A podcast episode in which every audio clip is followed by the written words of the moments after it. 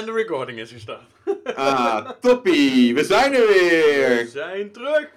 Vorige week ging het allemaal een beetje mis met onze eh, stream. Ja, zijn we nou gewoon Maar, een week eh, niet geweest, Koen? Hebben we gewoon een week overgeslagen? Nou, niet echt. Want deze week komen er twee. Ja, ja, precies. Maar dat komt omdat we wel vorige week een livestream en een podcast hebben gemaakt. Ja. Maar eh, daar hebben we nieuwe software bij gebruikt. En die software die werkte echt heel goed. Ehm, op één ding na. Ja. Het viel even niet op te slaan. Het viel niet op te slaan. Dus we hebben van alles geprobeerd en eh, we hebben net eh, hebben een oplossing gevonden. Met VLC, fantastisch stuk software. Hou Ja. van. Nou ja, het is wel fijn dat het dan lukt om het inderdaad op te lossen. En dat je er dan toch voor kan zorgen dat iets live komt. Want ik vind het gewoon ook zonde als... Stel, de podcast van vorige week, dus eigenlijk van deze week...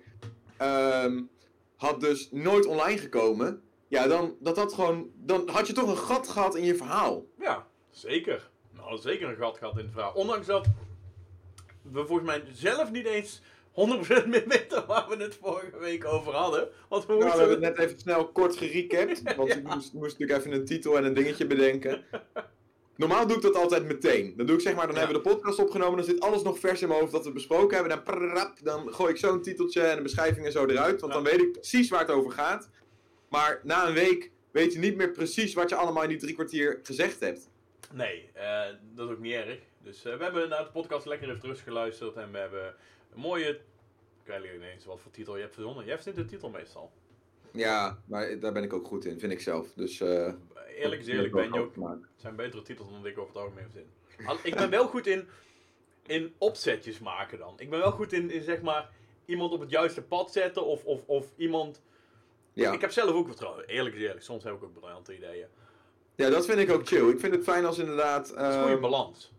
Nou, ik weet ook wel dat ik zeg maar, ik ben best goed met woorden. En ik Ja. ben ook goed in dingen opschrijven. En ik kan ook goed mailtjes schrijven. En ik denk dat ik ook wel een boek zou kunnen schrijven als ik dat ooit zou willen. Maar ik vind het wel fijn als iemand input naar me toe gooit. Ja. Van misschien kan je hier iets mee, misschien is dit iets, misschien bla bla. bla. En dat ik dan daar iets goeds van kan maken. Weet je wat leuk is? Want dit is eigenlijk wel een supermooi opzetje voor het onderwerp van, eh, van deze week. We hebben namelijk zwaar een onderwerp deze week. nee joh! Yo, we hebben een onderwerp, de geschiedenis, zeg maar. Onze, Oh ja, dat hebben we vorige week natuurlijk ook gewoon beloofd. Eh, ja, dus dat gaan we gewoon ook lekker deze week doen. Maar daar hebben we een mooi opzetje voor met hetgene wat je net zegt. Want we hebben dat net al een stuk gedaan. We hebben namelijk Ja? een over ons pagina gemaakt, wat weer klikt met die geschiedenis, waarbij we precies dit hebben gedaan.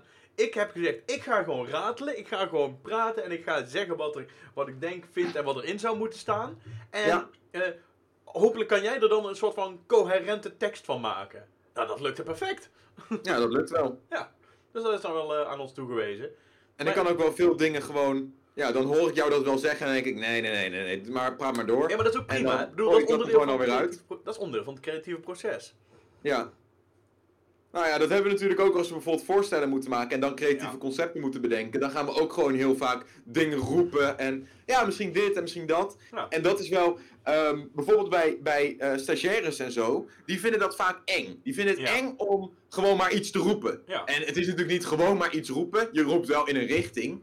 Maar ehm, die hebben al heel snel het idee van, ja, misschien is het niet perfect wat ik roep. Nee, snap ik. Eh, waarschijnlijk is het niet perfect wat je roept. Ja. Maar door het te roepen, kunnen wij inhaken en kunnen we elementen die goed zijn, Ja, recyclen tot iets perfects. ja, precies, precies. Maar dat is ook heel veel, heel veel creatieve mensen vinden dat voor mijn idee ook, ook moeilijk. Die vinden het moeilijk om, om, om commentaar te krijgen. Terwijl als creatieveling is er één ding zeker. Dat is dat Mhm. 9 van de 10 ideeën die je hebt, zijn gewoon ruk. Ja, En dat is niet erg, want je moet soms door die negen ideeën heen om tot dat perfecte idee te komen. Maar dat is wel hoe je i- iets perfectioneert. Om het inderdaad te blijven doen, om, om, om ideeën te blijven roepen, om te blijven brainstormen, om gewoon te blijven praten. En dan kan je uiteindelijk kan je daar de goede stukjes uithalen. En dat vormt dan zeg maar het, het eindresultaat. Ja, ik merk sowieso dat er heel veel mensen zijn die die feedback heel lastig vinden.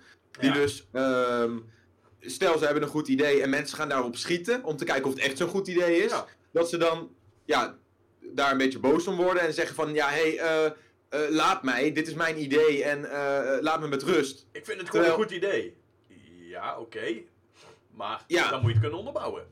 Ja, precies. En juist als je over al die andere randzaken ook nog na gaat denken en daar nog steeds een goed antwoord op hebt, dan is het voor mijn gevoel echt een goed idee. Ja, zeker. Dan heb je ook een idee wat niet zomaar onderuit te halen is. Dan heb je alle risico's en gevaren heb je, heb je, heb je verholpen. En heb je er ook voor gezorgd dat, ja, dat je idee staat als een huis. Je fundering klopt. Er, zit, er, Ja. zit- er, zit, er mist niet nog ergens een, een pijp of een... Of een, een er zit ergens een gat of, of je mist een deur. Nee, alles is gecheckt en het idee klopt. Ja. Ja, Ja, goed, eh, goed gezegd. Eh, jij was net bezig met een bruggetje aan het bouwen naar eh, de geschiedenis. Toen waren we, we hebben dat bruggetje niet genomen. Dat doen we wel vaker. en dan We belanden hem we alsnog nemen. helemaal ergens anders. Zullen we even ja. zo'n rewind Van die geluidjes erbij, ja. en dan en we rewinden naar het jaar 1984. Nee, welk jaar ben jij geboren? 84, ja. Oh ja, oké. Goed. Ah. Eh, ja, het jaar waarin ik geboren werd. Ehm, ja. ik ben geboren en eh, eh, ik heb geleefd en ik heb een leuke jeugd gehad. En toen kwam ik in eh, 2009 en toen ging alles fout. nee, Ei- eigenlijk begint, eigenlijk begint het voor mij eerder. Dat is eigenlijk wel grappig. Volgens mij weet jij dat wel. Maar Ja. voor mij begint het, het begint het eigenlijk echt in 2000. Oh, ik dacht dat jij winkeltje ging spelen met je broertje en zusje Ja, toen oh ja, drie was. ook. Oh ja, ook. Oh god, het begint nog eerder, ja. Oh wauw. Grappig, ja. Want dit, maar dat is zo'n soort van rode draad die je door je hele leven op een gegeven moment ziet. Dat, ik vond het super leuk om winkeltjes te spelen met mijn broertje en mijn zusje. Dan deden we mijn zusje altijd afzetten. Ja. Dat is echt fantastisch. En dan gingen we, eh, gingen we met mijn zusje gingen we ruilen. En dan ruilden we zeg maar eh, twee dingetjes van eh, ons voor één dingetje van haar. En dat die twee dingetjes van ons twee biljetten van vijf waren voor één ding van haar. Oftewel een biljet van 100. Ja, dat is natuurlijk een super goede deal. Want zij kreeg twee dingen en wij kregen één ding. En dat één ding van ons Hoe kwam jouw zusje aan een biljet van 100? eh, sparen. Oh, oké. Dus ja, keihard je zusje afzetten. Oh, dat is echt keihard je zusje afzetten. Ja. Netje. Dus ja, nee, en dat, dat, dat was een heel leuk winkeltje spelen. Daar werden we heel erg rijk van. Maar we, we deden het wel met nepgeld hoor. Dus Oh, het was gelukkig oké. geen echt geld. Oh, oké. Nee, daar hoef je niet zo heel lang voor te sparen voor 100, 100 euro nepgeld. Nee, ligt eraan trouwens. dus eh, Je weet niet hoe het gaat. Ik, ik heb ook zo'n verhaal. Ik deed vroeger altijd... ehm, kijk, weet je wat ik altijd een hekel aan had? Is spullen van mezelf verkopen. Dat vind ik gewoon... dat vind ik niet leuk. Ja, maar jij ik was heel moeite. slecht in... Als er bijvoorbeeld een, eh, een ehm, rommelmarkt was voor ehm, Koninginnedag... Dan gingen ze toch altijd op zo'n kleedje zitten en gingen ze toch spullen verkopen. Ja, ja. Eh, als mijn moeder al iets uit mijn kamer pakte of zo, waarvan ze dacht, nou daar heeft hij al jaren niet meer mee gespeeld, dat kan wel weg. Dan schoten wij de tranen al in mijn ogen, want dat, dat wil ik gewoon niet. Ik wilde gewoon mijn spullen houden. Ik heb een ex gehad die, zeg maar, die had de regel, en ik vind het ook wel een goede regel, van als je iets een jaar niet gebruikt hebt, dan kan je het in principe wegdoen. En eh, dat is wel heel zwart-wit, Ja, maar het is echt zo. maar vaak is het wel zo. Als je iets al een jaar niet gebruikt hebt, ja, dan heb je het in de winter niet gebruikt, in de zomer niet gebruikt, wanneer gebruik je het dan? Nou ja, Dus toen heb jij die ex weggedaan na een jaar. ja precies. Doei! ik heb je al een jaar niet gebruikt. Wat moet ik er nog mee? Nou, doei! Oh. Ehm, nee, maar op zich is dat natuurlijk wel een hele goede regel. Want ja, ik bedoel, ik heb ook hier spullen op zolder liggen of weet ik het wel, die ik inderdaad al een jaar niet gebruik. Ja. Maar ja, weet je, soms is het ook gewoon leuk om het te hebben. Ja, nou ja, daarom zeg ik, ik denk dat er uitzonderingen zijn. Maar je hebt wel altijd een probleem met afscheid nemen van dingen. Je, je houdt niet zoveel van verandering. En Nee. je vindt het dan ook moeilijk om, om, als je iets goeds hebt, om, tenzij er daar een duidelijke stap beter in is, Ja. om te veranderen om het veranderen. Ja, dat is echt zo. Ja, ik vind veranderen naar echt iets anders vind ik, een heel, vind ik heel lastig. Upgraden vind ik inderdaad vaak geen probleem. Dat vind ik wel heel leuk. Ja. Dus stel bijvoorbeeld, ik heb eh, draadloze oortjes en er komt een nieuwe versie uit en dan heb ik de nieuwe. Dat vind ik, dat vind ik heel leuk. Want daar zit vaak voor mijn gevoel alleen maar een soort... ehm, ja, het is letterlijk een upgrade. Er zitten alleen maar positieve punten aan. Mhm. Dus vaak, ook, vaak ook hangen er ook wel kleine negatieve puntjes aan, bij eigenlijk bijna alles. Maar daar kan ik dan nog wel overheen. Mhm. Als het echt iets heel anders is, ja, dat vind ik echt lastig. Dat is het ook. Eh, Dat is ook lastig. Maar dat is ook... Dat vindt iedereen lastig. Dat, eh, eh, ik bedoel, bij een DTG merk ik dat ieder jaar weer op zich. Iedere keer als we dingen veranderen. Nu bijvoorbeeld met het feit dat TikTok gewoon een gigantisch platform is geworden. En Ja. we dus TikTok hebben omarmd als inderdaad ook online videoplatform. En we gezegd, oké, maken we daar een grens voor. Eh, een van de commentaren die we het meest op social media krijgen is... Het is de Dutch YouTube Gathering. Nee, dat is het al lang niet meer. Dat was het en dat is waar het begonnen is. Het is tegenwoordig is het gewoon een online video evenement. Voor Ja, alle platformen. Daarom maar ja, dat is natuurlijk super lastig. Dat, dat, ja. Dat En dat heeft ook wel een klein stukje met, denk ik, de huisstijl en zo te maken. De DTG is natuurlijk nog steeds, Ja. de Griekse I en de T is nog steeds, voor mensen is dat YouTube. Ja, Er zit een playbutton bij, dat is ook een beetje YouTube. Het is Ja. wit met rood, dat is ook YouTube. Dus ja, ik snap het wel. Zouden we een keer het logo... Dat is misschien wel een goeie. Misschien dat we het logo een keer moet, weer moeten gaan updaten en veranderen. Dat, dat we daar iets leuks mee kunnen doen. Want ik heb wel heel lang gedacht om de naam DTG te veranderen. Maar ik ben ook eigenlijk al een, een jaar of drie of zo denk dat ik daar ja, dat ik erover na heb gedacht. Op een gegeven moment ook een Mhm. keer een andere naam eh, gekozen.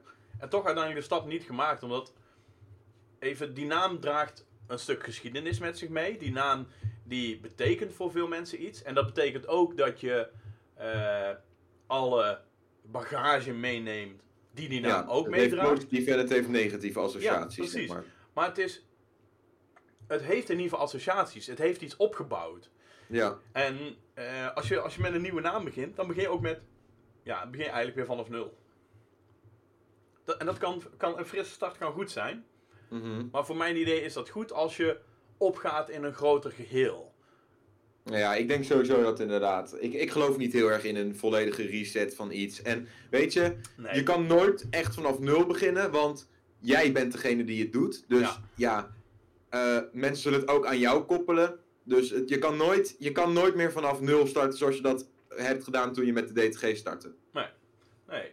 Nou ja, anyway, eh, dat is misschien wel een leuk bruggetje naar eh, het volgende stuk, eh, zeg maar. Want we hebben dus allebei in onze jeugd, zijn we al wel echt aan het ondernemen geweest, voor mijn gevoel.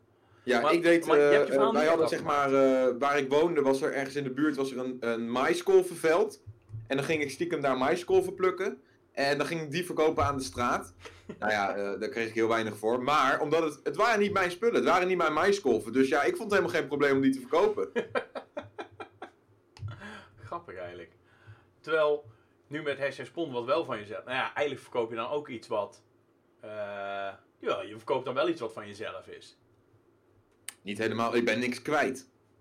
Nee, nee, je kan alleen maar winnen. Je kan alleen maar er beter van worden. Dat klopt. Ja, dan vind ik het leuk. Ja. Kijk, weet je, en als ik echt, weet ik veel, stel ik zou een webshop beginnen en ik zou inderdaad, weet ik veel, 2000 t-shirts kopen met de intentie van ik ga deze verkopen. Ja, dan doet het me natuurlijk geen pijn als ik die verkoop. Nee. Want ja, daar, heb ik, daar, hecht ik, daar hecht ik me niet aan. Maar als nu iemand aan mij vraagt van, hé, hey, eh, Koen, mooie eh, telefoon heb je, kan ik die overkopen? Ja, dan, dan doet me dat gewoon pijn in mijn hart. Dan denk ik, nee, dat wil ik niet. Ja, tenzij je er weer iets beters voor kan kopen. Maar ja, dat, Ja, dat, dat, maar dat ook omdat ik hem dan nog zelf gebruik. Dat is ook lastig natuurlijk. Ja. En dat is bij zo'n rommelmarkt van, van jou vroeger natuurlijk ook. Oké, volgende levensfase. Ehm, Ja, we gaan wel fast forward even naar waar het interessant wordt, of ja, niet? Ja, ja ik, zou, ik, ik, wilde, ik wilde één stapje inderdaad, want deze stap had ik inderdaad eigenlijk overgeslagen bijna. Eh, voor mij is de volgende stap inderdaad 2000. Omdat ik heb altijd al iets met communities gehad. Ik heb altijd al eh, online communities interessant gevonden, heb ik me in begeven. En dat in begin 2000 is dat bij mij geweest in Cybertown, in... Ik heb Zeg het Live nog een tijdje geprobeerd, maar dat is volgens mij meer een sekscommunity geworden tegenwoordig. Lang weg, Hmm. lang weg daar. Eh, World of Warcraft, wat ik natuurlijk heel lang heb gedaan. eh, wat ook echt een, een grote online community is. Maar dat is wel hoe ik eigenlijk eh, terecht ben gekomen bij de DTG. Omdat online video en het YouTube-wereldje is ook een online community. Is ook een groep mensen die een passie deelt, die een hobby deelt, zeg maar. Zeker in, in het begin. En Ja. ehm, dat zag ik online. Ik bedoel, ik heb 2007, 8, 9 veel video's gekeken van, eh, van YouTubers internationaal. Eh, Charles Trippy, eh, de Shay Tarts, eh, wie hadden we nog meer? Heel veel Ray William Johnson, allemaal van dat soort gasten. En op een gegeven moment dacht ik van, hé, hey, maar dit kan ik zelf ook. Ik kan zelf ook video's gaan maken. Dus, nou, dat ben ik gaan doen. Ik ben met Ilko Vlogging ben ik, ben ik video's gaan maken. Eh, met de Ilko Show ben ik eh, weer andere type video's gaan maken. En met Ilko Gaming ben ik eh, echt gamevideo's gaan maken.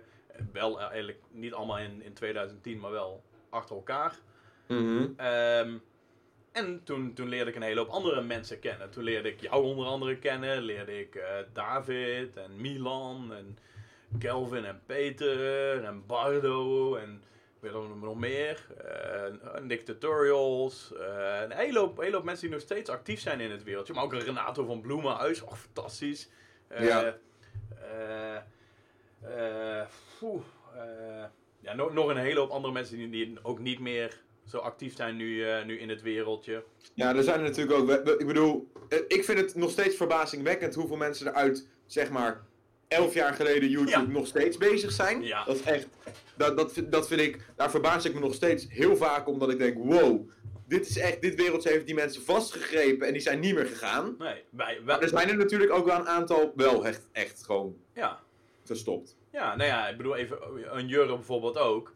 Ehm, ja, waar we, waar we toch heel lang goed bevriend mee zijn geweest. En ik, ik zie hem nog steeds wel als een vriend, maar waar we eigenlijk weinig geen, tot geen contact meer mee hebben. Eh, en die ook uit het Nederlandse YouTube-wereldje is verdwenen, Ja. zeg maar. Maar ook een Renate van Bloemhuis, dat, wat best een iconische YouTuber destijds was. Die gewoon, heel- die gewoon helemaal gestopt is. Nou ja, Ja, Ehm, al die mensen die kenden we. En ik had zoiets van, weet je, misschien dat we eens een keer met z'n allen bij elkaar kunnen komen. Er is vast een plek waar, eh, waar dat al gebeurt. Eh, en dat was er in, in Los Angeles. Met Ja. VidCon. Met VidCon. Eh, dat was te ver van huis. Dus toen heb ik gezegd van, weet je wat ik ga doen? Ik ga gewoon al die mensen uitnodigen. En we gaan gewoon een keer gezellig met z'n allen in een parkje in Utrecht eh, chillen. En dat is eigenlijk hoe de eerste DTG is ontstaan. Carnager Mhm. SDV ook nog. Oh, wauw. wat zeg je met wat? Met Carnager SDV ook en zo. Oh my god, ja. Oh ja. Wow. Dus ik weet niet of. Volgens mij hebben we, we hebben een sfeerimpressie volgens mij op de, op de website staan tegenwoordig van de DTG. Daar hebben we volgens mij ook die eerste foto eh, hebben we daarbij staan. En anders moeten, Oh, we die, anders, moeten we die serieus een keer gaan uploaden. Echt fantastisch om te zien als je uit die oude periode komt. Heel, heel, veel, heel veel nostalgie die eraan, eraan hangt.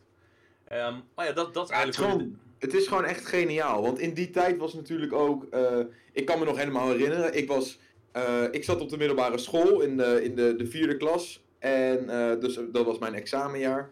Ehm, en ik hele verveelde me daar heel erg. Want ik zat op een, eh, ik zat op een eh, ja, te laag niveau voor, eh, voor wat ik aankon. Ja, Mag ik wel zeggen. ja. En eh, daardoor, ik verveelde me gewoon heel erg. Ik hoefde eigenlijk niks voor school te doen en ik haalde het allemaal op mijn sloffen. Maar daardoor ging ik heel veel tijd steken in andere dingen doen. Dus ik had een, ehm, een telefoon. En het, het grappige is, ik zat te denken, ik kon toen video's opnemen op mijn telefoon van 14 of 17 seconden. Dat is, was zeg maar het maximale wat mijn interne geheugen van mijn telefoon aankon. Daarna klapte die er gewoon uit en moest ik weer opnieuw gaan opnemen. ja, dit weet ik nog. Eh, dat was gewoon, eh, dat- ja, in die tijd was dat, was dat heel normaal. Dan kon je gewoon korte filmpjes maken. En wat deed ik dan? Ik eh, maakte dan gewoon hele korte filmpjes met mijn klasgenoten. En dan bedacht ik een soort hele korte sketches die we dan in een paar seconden deden. En als ik nu naar terugkijk, dan gaat het echt helemaal nergens over. Maar dat, en dat deed ik dan onder de verzamelnaam De Tosti Show. Dat was zeg maar, ik hield heel erg van Tosti's, die had ik elke dag. En eh, eh, de jongen waarmee ik dat samen toen deed, eh Lennart heette die, jongen uit mijn klas. die ook. We aten elke dag samen tosti's. Dus nou, de tosti show was zo geboren. En toen gingen we allemaal een beetje, ja, ook soms de leraar een beetje voor lul zetten en weet ik het allemaal. Dat was gewoon lachen. Het, en nu, als ik nu terugdenk, dat was een beetje wat Vine en TikTok nu heeft, Ja, precies. deed ik toen op YouTube.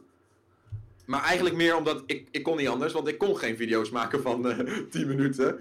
Ehm nou, zo was het dus begonnen. bekeken. En eigenlijk omdat ik eh, die passie voor video maken en voor iets creëren en daar reactie op krijgen en mensen die dat cool vonden, ja, dat ik dat zo erg voelde, dacht ik, wow, eh, dit is echt cool. Dus toen heb ik inderdaad het geld wat ik eh, allemaal had, heb ik bij elkaar geschraapt. En toen ben ik inderdaad bij de Mediamarkt ben ik een cameraatje gaan halen. Oh. Gewoon zo'n zo'n JVC-camera met zo'n klapschermpje. Ja.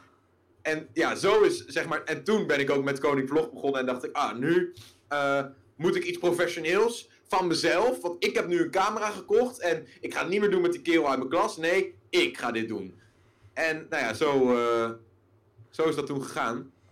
Ja, en Koningvlog heb je natuurlijk hele andere content mee- meegemaakt. Heb je ook, ben je ook echt wel heel succesvol mee geweest. Want ik bedoel, even eh, waar ik met Ilko vlog, ik bedoel, dit, dit zeggen we ook altijd als we met bedrijf spreken, waar ik met Ilko vlogging ook wel serieus in de top van, van Nederland destijds heb meegedraaid. Ilko Gaming misschien nog wel veel meer, zeg maar in, in die gaming community.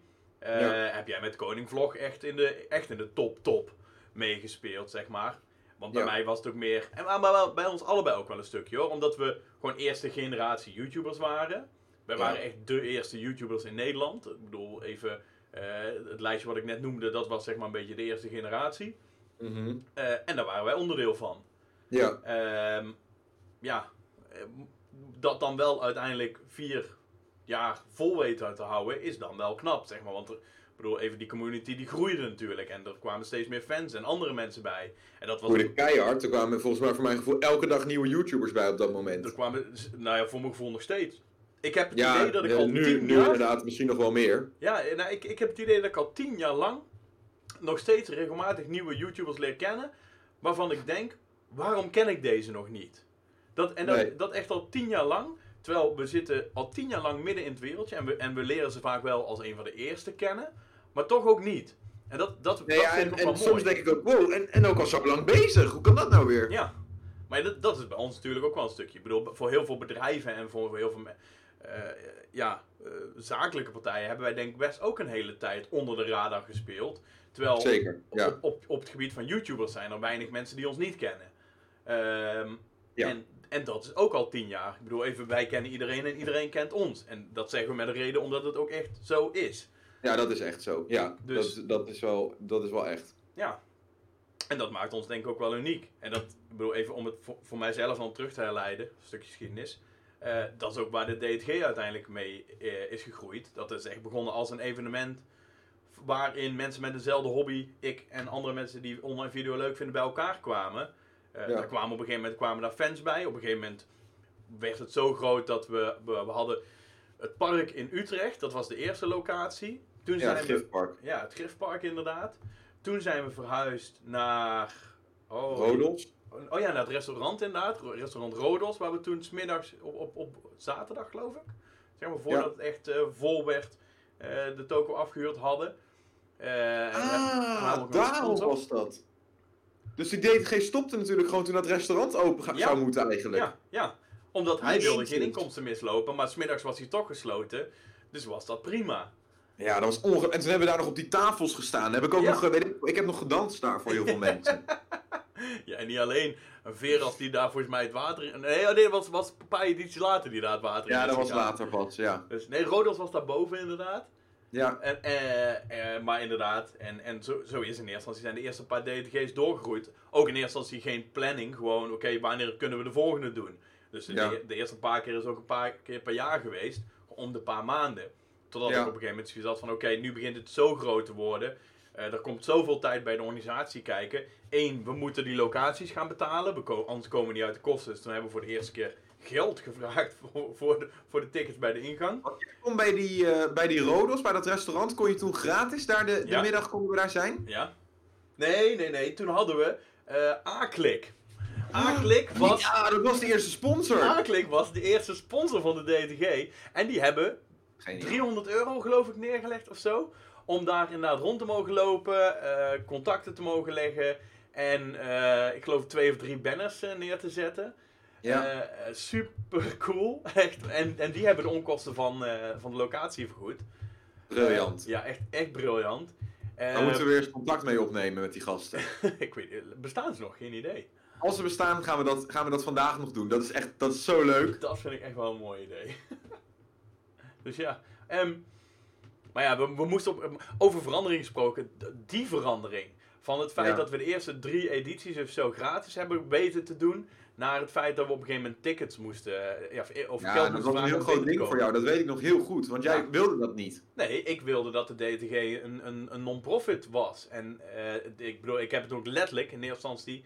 Hebben we het in een stichting ondergebracht. Totdat het belastingtechnisch gewoon niet meer te doen was. Nee. Eh, en het, ja, ik bedoel, je verdient gewoon geld. Je moet er zelf op een gegeven moment ook iets aan verdienen. Maar het is nog steeds wel iets wat ik, wat ik moeilijk vind. Ik bedoel, het is niet dat ik geld verdienen moeilijk vind. Maar ik vind dat de DTG iets moet zijn. Eh, wat. Ja, wat. Mensen samenbrengt. Ja, Ook, ook als je niet bereid bent om ervoor te betalen. ja, ja, ook. Maar ook het feit dat. eh, geld verdienen moet niet het doel zijn. En bij een bedrijf is voor mij een idee, ik bedoel, bij het Spon is, is duidelijk het doel geld verdienen. En dat is ook Mhm. prima.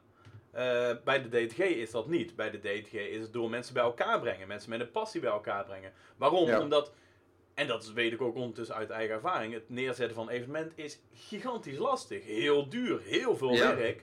eh, en is absoluut geen, geen winstgevende business. Dus je moet Nou ja, ik vind vooral, het is zo'n gigantisch risico. ook, even, ik loop ieder jaar, al tien jaar, loop ik een belachelijk risico.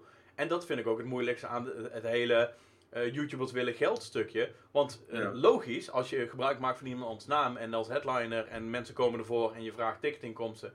Ja, dan moet er ergens ook een verdienmodel aan de andere kant voor die mensen zitten. Ja. Ehm, maar net zo goed, en, en dat vind ik het lastige bij een DTG. eh, net zo goed als dat je een, eh, dat je non-profit geen geld gaat vragen om daarvoor te werken, eh, is dat hier in zekere zin ook. De enige Ja. manier waarop we de. Ik, ik had er laatst echt een heel mooi stukje voor, wat we ook uiteindelijk.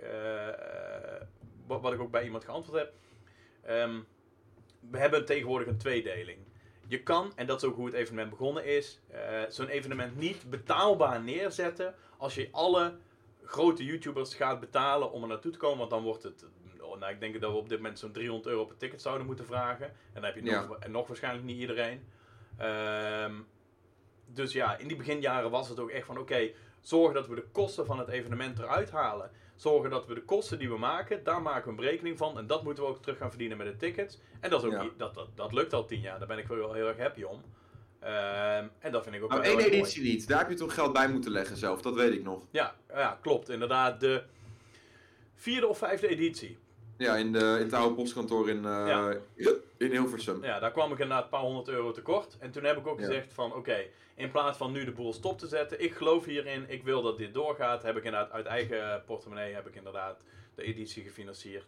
Ja. Maar dat, ja, ik weet niet. Ik, ik, ik, het is nog steeds een beetje, de DTG is mijn kindje, dus ja, Ja. Die, die ga je niet dood laten gaan.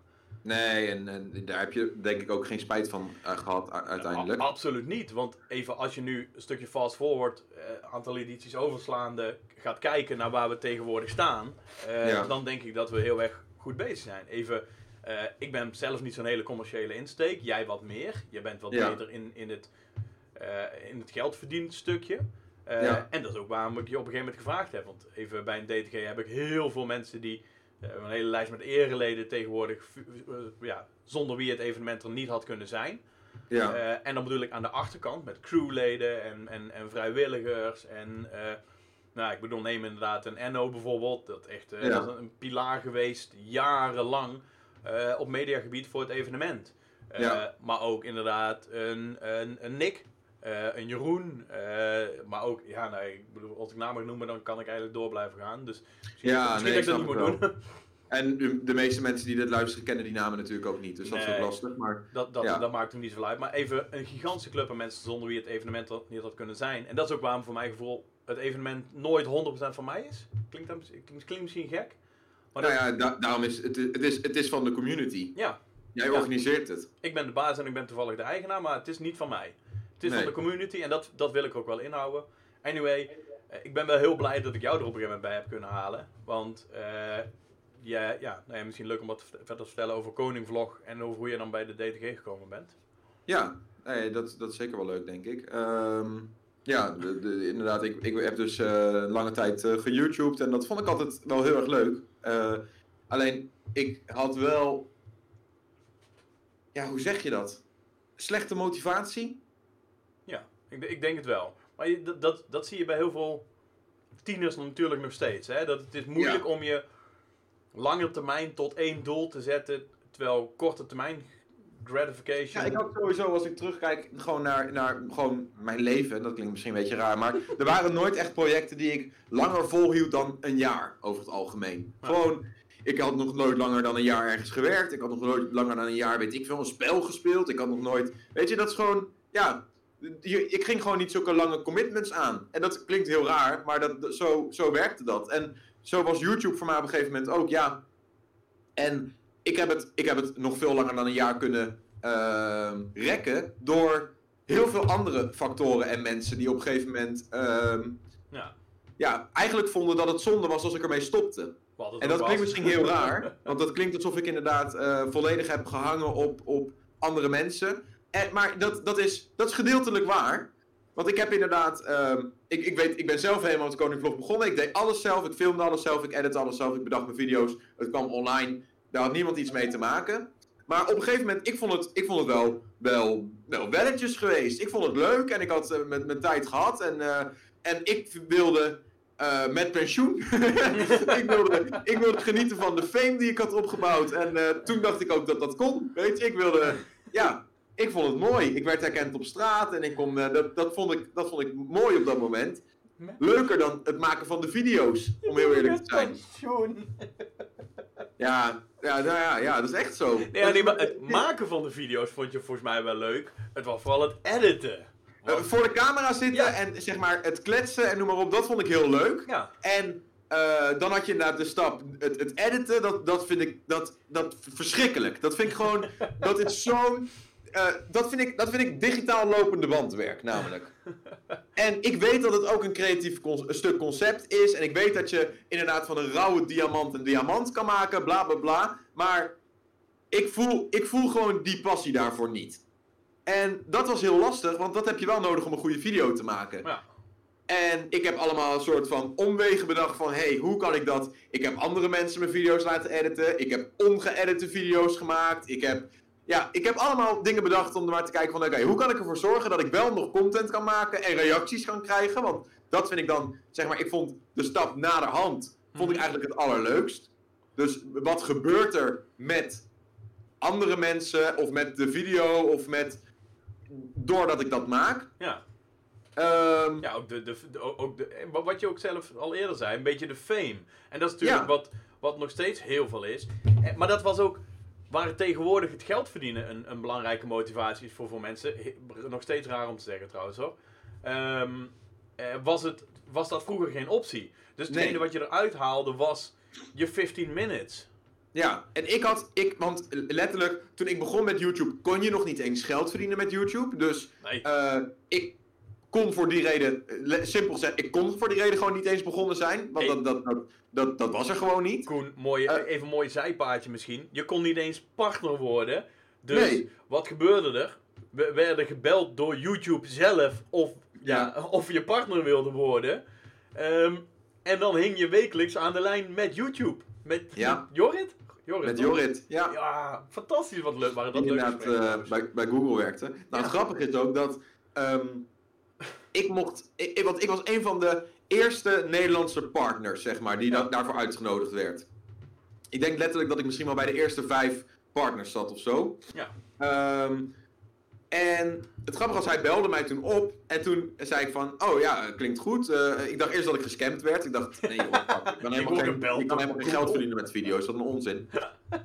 Nou, toen ik eenmaal door had dat het echt iemand was van YouTube en ja, dat het legit was, wilde ik dat gaan regelen. En toen moest ik allemaal dingetjes invullen, een, een formuliertje of zo, ik weet het niet. En toen zei hij, ja maar, ja maar, ja maar dude, ja, je, bent, je bent 15 of 16, 15. Nee, je bent 15. Eh, dat kan niet. Je, ik, ik kan alleen maar mensen van 18 plus partner maken. Shit, dacht ik. Ja, nu eh, wil ik dit. Want ik zou ook, en dat vond ik eigenlijk nog het leukste. Je kreeg een paar extra opties op je Ja. kanaal. Je kon een banner aan de bovenkant kon je instellen. En die kon je ook klikbaar maken. En je kon een vakje aan de onderkant instellen. Die kon je ook klikbaar maken. Ja, dat was super vet op dat moment. Toen had je ook heel- echt nog een zieke kanaalpagina die echt heel belangrijk was. Je kon je kanaalpagina helemaal met kleuren, met alles Ja. aanpassen. Ja, maar alleen als je partner was. Ja.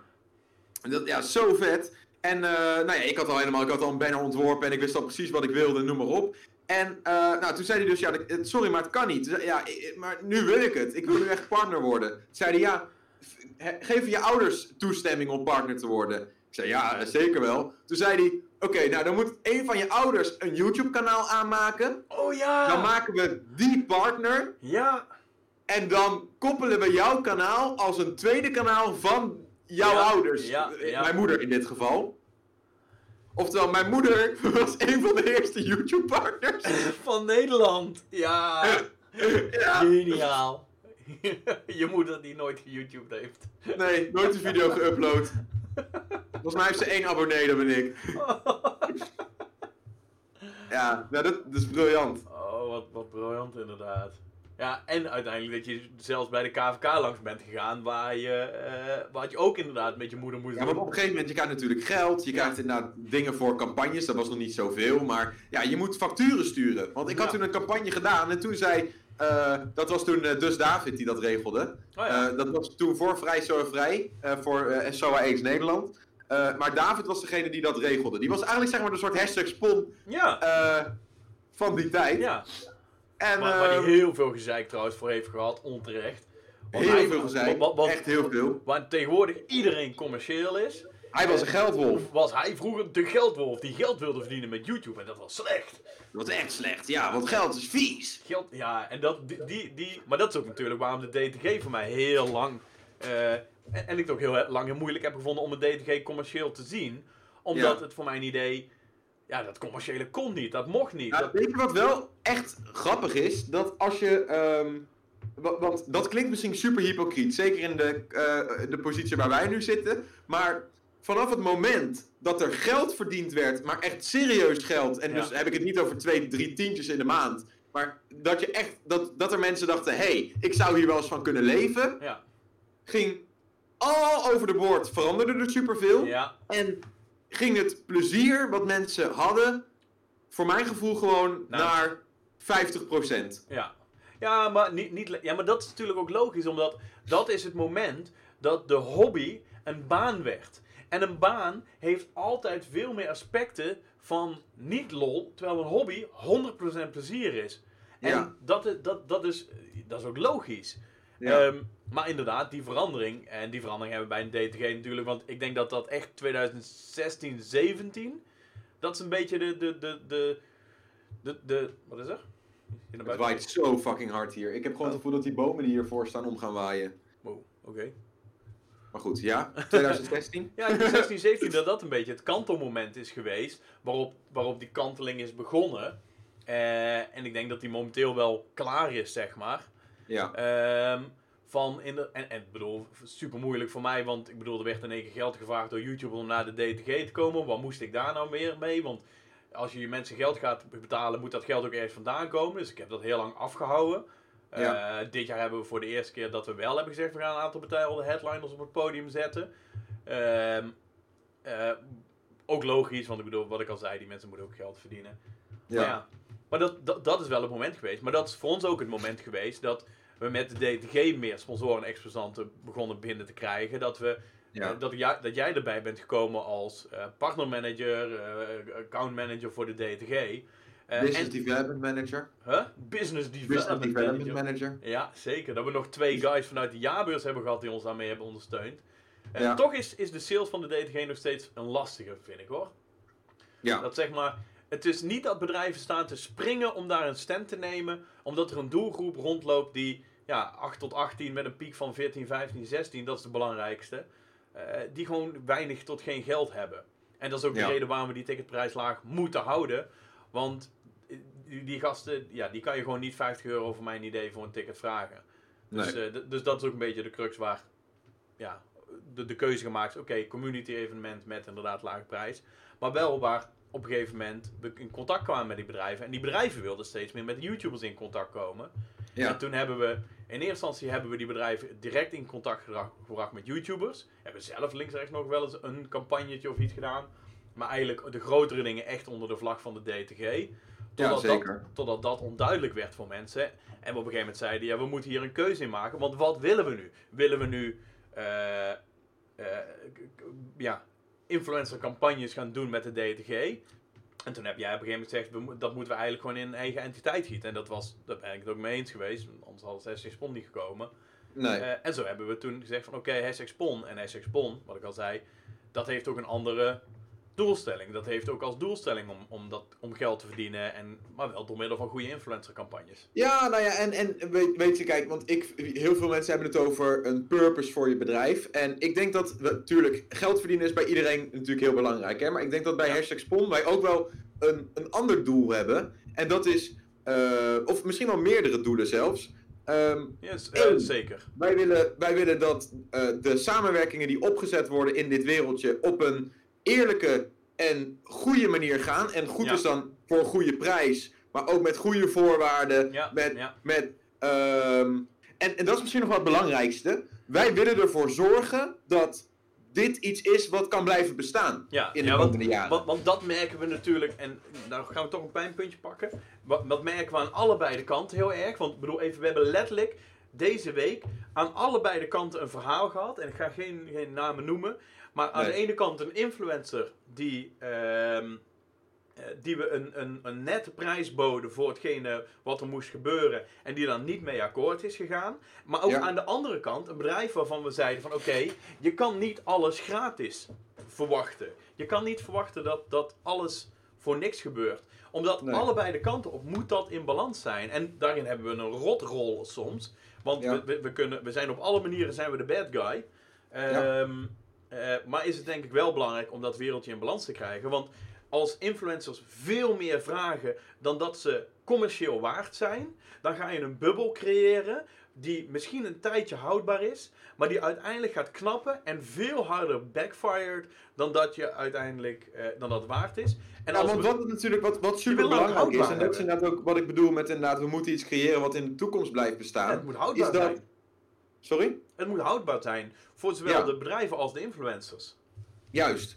En dat, dat kan alleen als er inderdaad goede eerlijke prijzen worden gevraagd, als er resultaat geleverd wordt voor hetgene wat je betaalt. Ja, ja, precies. Eh, als die dingen allemaal in verhouding staan, Ja. dan. En, en natuurlijk eh, moeten wij daar inderdaad ons, eh, ons, ons geld aan verdienen. En de uren die we daarin steken moeten vergoed Ja. worden. Want wij zijn geen goed doel. Nee. Nee, Ehm, nee maar dat, dat is het verschil tussen een DTG en een SPON. DTG heeft geen winstoogmerk, is een bedrijf, maar is een bedrijf eigenlijk zonder winstoogmerk.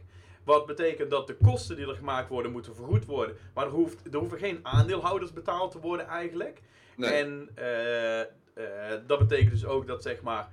eh, dat wil niet zeggen dat de beveiliger die er daar rondloopt of de eventmanager die er aanwezig is, dat die dat gratis moeten doen. Maar, of, of, of wat dat betreft zelfs inderdaad YouTubers, dat je er niks voor terugkrijgt. Nee. Maar iedereen moet in die, in die waardeketen iets inleveren om er iets voor terug te krijgen. Ja. En eh, bij Spon zit er daar inderdaad ook een, wel een winstoogmerk om inderdaad te zeggen, oké, hoe kunnen we nou niet alleen als bedrijf zijnde eh, de kosten terughalen, maar willen we ook gewoon zorgen dat we blijven groeien door middel van winst. Ja, en ik denk ook inderdaad, zeker bij een DTG bijvoorbeeld, dat, eh, op, dat, dat de, de, de influencers of de YouTubers of de creators, of hoe je ze wil noemen, dat die ook ehm, zelf op een gegeven moment de waarde van zo'n evenement en van hun fans ontmoeten en alle tijd en geld die ze Ja, daarmee besparen zeker. in moeten zien. Maar- en dat ook eh, maar, maar dat is een lastige nou ja, letterlijk naar waarde in moeten schatten. En, en ook zien dat ze daar weer andere dingen voor terugkrijgen die Ja. niet misschien gelijk geld zijn. Eh, en, maar dat is een discussie en een, een, een, ja, een discussie die ik voor mijn gevoel al, al vijf jaar lang aan het voeren ben. Is dat Ja. er is meer waarde dan alleen een financiële waarde. Het feit dat we inderdaad een eh, laagdrempelig, maar wel veilig evenement neer kunnen zetten, betekent dat je inderdaad een brede doelgroep aan fans de mogelijkheid biedt om inderdaad een interactie met hun, eh, met hun influencers te hebben. Dat je die influencers de mogelijkheid biedt. Want ik bedoel, er is een reden dat veel grote influencers een eigen evenement hebben geprobeerd en er vaak weer mee zijn gestopt. Ehm, omdat het gewoon, je, ze kunnen meer geld verdienen met andere dingen. Ehm, maar dat je wel ook voor kleine influencers, voor wie het niet eens een optie is om een eigen evenement neer te zetten, wel inderdaad op een veilige manier die fan-ervaring kan leveren, zeg maar.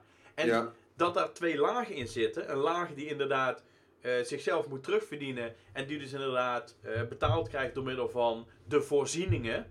En een laag die inderdaad eh, betaald krijgt omdat ze meer waarde inleveren dan dat ze aan voorzieningen zullen krijgen. Dat is Ja. een tweesplitsing die er eigenlijk recent pas bij is gekomen. Maar ja, en dat is ook wel logisch. Kijk, want in, in principe, geld is natuurlijk gewoon eh, is een soort van ruilhandel met een tussenstap. Ja, precies. Eh, en in principe, de, mensen kopen van het geld wat ze krijgen, kopen ze weer spullen of betalen ze een hypotheek of Ja. een auto of weet ik het wat. Ja. Nou ja, dat is ook allemaal, heeft dat een bepaalde waarde. Eh, die dingen moet je gewoon tegen elkaar weg kunnen strepen. En in Ja. principe, ehm, want ik heb laatst eens heb ik opgezocht, inderdaad, ik, ik, wij hebben het heel vaak over barterdeals. Hè? Dat noemen wij Ja. natuurlijk allemaal, noemen we dat samenwerkingen zonder dat er een portemonnee opengetrokken wordt.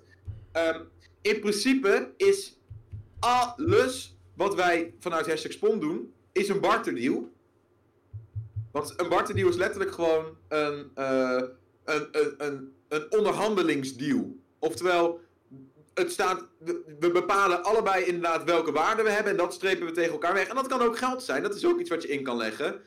Eh, maar het is eigenlijk gewoon het tegenovergestelde van, ik ga naar een winkel, dit kost 5 euro, hier heb je 5 euro, dankjewel. Ja, oké. ja. Ik, wou, ik wou zeggen, waar ga je naartoe met dit verhaal? Want voor mijn idee is een barterdeal, maar dat, misschien dat ik dat mis heb, is inderdaad een, een, een, een afspraak tussen twee partijen waar geen geld bij komt kijken. Dus waarbij je goederen ruilt, goederen Ja. of diensten tegen elkaar ruilt. Ja, dat is ook wel vaak, dat is ook wel de, de common, Ja. common understanding, inderdaad. En, maar de- het grappige is dat zelfs daar, eh, dat was natuurlijk met dat bedrijf wat we, waar we ook eh, contact mee hadden, eh, die wilde in eerste instantie alleen een barterdeal doen. En Ja. voor ons is een barterdeal in principe niet interessant, tenzij er voor ons ook een stuk barter in zit. Dus voor ons inderdaad ook een, een meerwaarde, in zit. Of zodra er inderdaad op lange termijn, want dan is meer een, een investering in een relatie, wel inderdaad een financiële vergoeding tegenover kan komen. En het grappige was dat dat bedrijf de samenwerking al afkapte. ehm, voordat wij konden zeggen van oké, we, we, We willen ook wel gaan kijken naar een BART-overeenkomst. Maar dan moet er een van die twee opties ook zijn. Want ja, we gaan niet een samenwerking opzetten waar we zelf een hoop tijd en energie in moeten steken. eh, maar, maar, maar Zonder toekomstperspectief. zonder toekomstperspectief inderdaad. Ja. Nou ja, maar waar waren we met de geschiedenis gebleven, Koen? We zijn al, Nee. we zijn al drie kwartier bezig. Ja, het ging alle kanten op. As usual. Ja. dus, Jij was in ieder geval met die DTG begonnen, dat was echt lachen. Nou ja, eh, eh, recap is daar wel inderdaad. We zijn met de DTG begonnen. De DTG is doorgeëvalueerd. En eh DTG is denk ik wel op een, op een tweesprong terechtgekomen op dit moment. Ehm, waarbij inderdaad de toekomst zal, zal blijken wat, ja, of het, of het concept zeg maar voorbij de ja, fanfase, communityfase kan groeien zeg maar. Ja. Dus, want ik denk wel dat, het, dat de DTG daarin moet mee evalueren. En dat zijn we ook wel aan het doen. Ehm, maar zonder dat fan-element te verliezen, denk ik trouwens hoor. Ja. Ehm, dus dat het meer wordt dan alleen het fan- fan-evenement. Ehm, en dat we met hashtag Spon inderdaad de volgende stap hebben kunnen maken. Door inderdaad te zeggen, oké, we gaan de... eh, we gaan inderdaad die samenwerkingen gaan we op een andere manier oppakken. Gewoon omdat daar ook een andere insteek in zit. Oh ja, en dan hebben we nog Ja. ergens tussendoor de hashtag awards. ja. Die hebben we ook nog eh, drie jaar. Kunnen we het volgende week wel over hebben. Oh, vind ik wel leuk. Vind ik, vind ik wel goed. Hoe dat allemaal weer gegaan is en hoe we daar, eh, wat, hoe we daar tegenaan kijken. Ja, want daar hebben we ook wel een hele interessante businesspartner. Dat doen we namelijk niet alleen. Nee, en dat is ook wel echt eh, zeker, zeker heel serieus. Misschien kunnen we hem uitnodigen voor de podcast van volgende Ik week. zat net te denken. Ja? Zullen we hem uitnodigen? Vind ik wel Ik leuk. vind het goed. Onze eerste eh, gast, spreker. Ja, achter- we gaan het vragen en we gaan kijken. Misschien is hij er niet volgende week, dan vertellen wij het zelf. Ja, Als hij er wel is, dan... eh, is hij er wel. Ja, dan is hij er wel, ja. en het hoeft natuurlijk ook niet volgende week. Hè. Het kan ook in een van de opvolgende eh ja, nee, oké, ja, oké. Een volgende week. Ja, in, in een van de volgende keer. nou ja, laten we deze dan even voor wat het is, denk ik. Want volgens mij hebben we wel een goed beeld geschetst van inderdaad een beetje hoe het allemaal gelopen is. Wat voor dingen we, ja, waar we tegenaan gelopen zijn. Nou ja, en als er vragen zijn, eh, je weet ons te vinden op social media. Op Twitter, @ilgovlogging en Koen Dulver. ja. ik wou koningvlog zeggen, maar ik, ik, ik switchte in mijn hoofd op het laatste moment. ja. Eh, Nee, die heb ik niet meer. Nee, Ed, Ko- Ed, Ed Koen Dulfer. Eh, en stuur ons vooral even een berichtje als je nog vragen hebt. Ik denk niet dat het de laatste keer is dat we het over deze onderwerpen hebben, want het ligt redelijk centraal in ons leven. Ja, Eh, dus er zullen stukjes geschiedenis nog in, de, in, in andere edities nog wel gaan volgen. ongetwijfeld. Ja. Ja. Vond je dit verhaal niet interessant, dan is deze podcast misschien niks voor jou. Echt, hè? Digitale kantoor wil ik het ook nog een keer over hebben. Oh, dat vind ik wel saai. Kan ik dan, dan blijf ik weg die week. Nee, maar gewoon als, als, als werkmanier, zeg maar. Gewoon om, om- niet per se het digitale kantoor op zich, maar gewoon de verschillen tussen een digitaal kantoor en een fysiek kantoor en de hele manier van, van de, en de verandering van thuiswerken die er nu plaats heeft Mm, gevonden. Oké, oké. Ja, je maakt het wel steeds interessanter. Toen je zei de vergelijking en toen je zei van... eh, Dan Nee. krijg je frikandelbroodjes. Oké, vooruit dan. Maar, maar, ook, maar ook inderdaad wat dat voor de toekomst voor gaat betekenen. Anyway, eh, nog 80 onderwerpen. Als we mensen andere leuke onderwerpen hebben, mix onze kant op. eh, Ja. En dan zien we ze vanzelf wel verschijnen. We gaan er zeker naar kijken. Ja. Ja, heel belangrijk, volg ons. Eh, je kan deze podcast overal luisteren waar podcasts te beluisteren zijn. Dus van Spotify tot Apple Podcast tot Google Podcast tot waar de eh, je hem ook wil luisteren. Eh deel het ook met iedereen die eh, oren heeft, want eh, die vinden dit vast ook leuk. Ja, zeker. Helemaal mee eens. En wat zeggen wij dan? Eh, hebben wij een standaard afsluiter? Nee hè? Nee, gewoon tot ziens. Tot de volgende keer. Tot ziens. Ja, ze kunnen ons toch ook zien in de livestream. Ja, dat is waar. Tot jullie ons weer ziens. Ja, kom een keer bij de livestream kijken. Kan je live, kan je live de podcast meevolgen? Ja, we doen dat altijd elke week op donderdag rond de klok van 12. 12. Ja. Ja. Kan soms een uurtje eerder, later zijn. We kondigen hem ook niet aan. Het is gewoon, hou, hou de, eh, volg ons op Twitch. En, eh, Ja, volg ons op Twitch, dan krijg je een eh, notificatie. Volgens mij kan je ook zo'n belletje aanzetten, dan krijg je echt een notificatie-notificatie. Oh, dat is wel een goeie. nou, dan zeggen we houdoe op z'n Brabants. Oh, doe.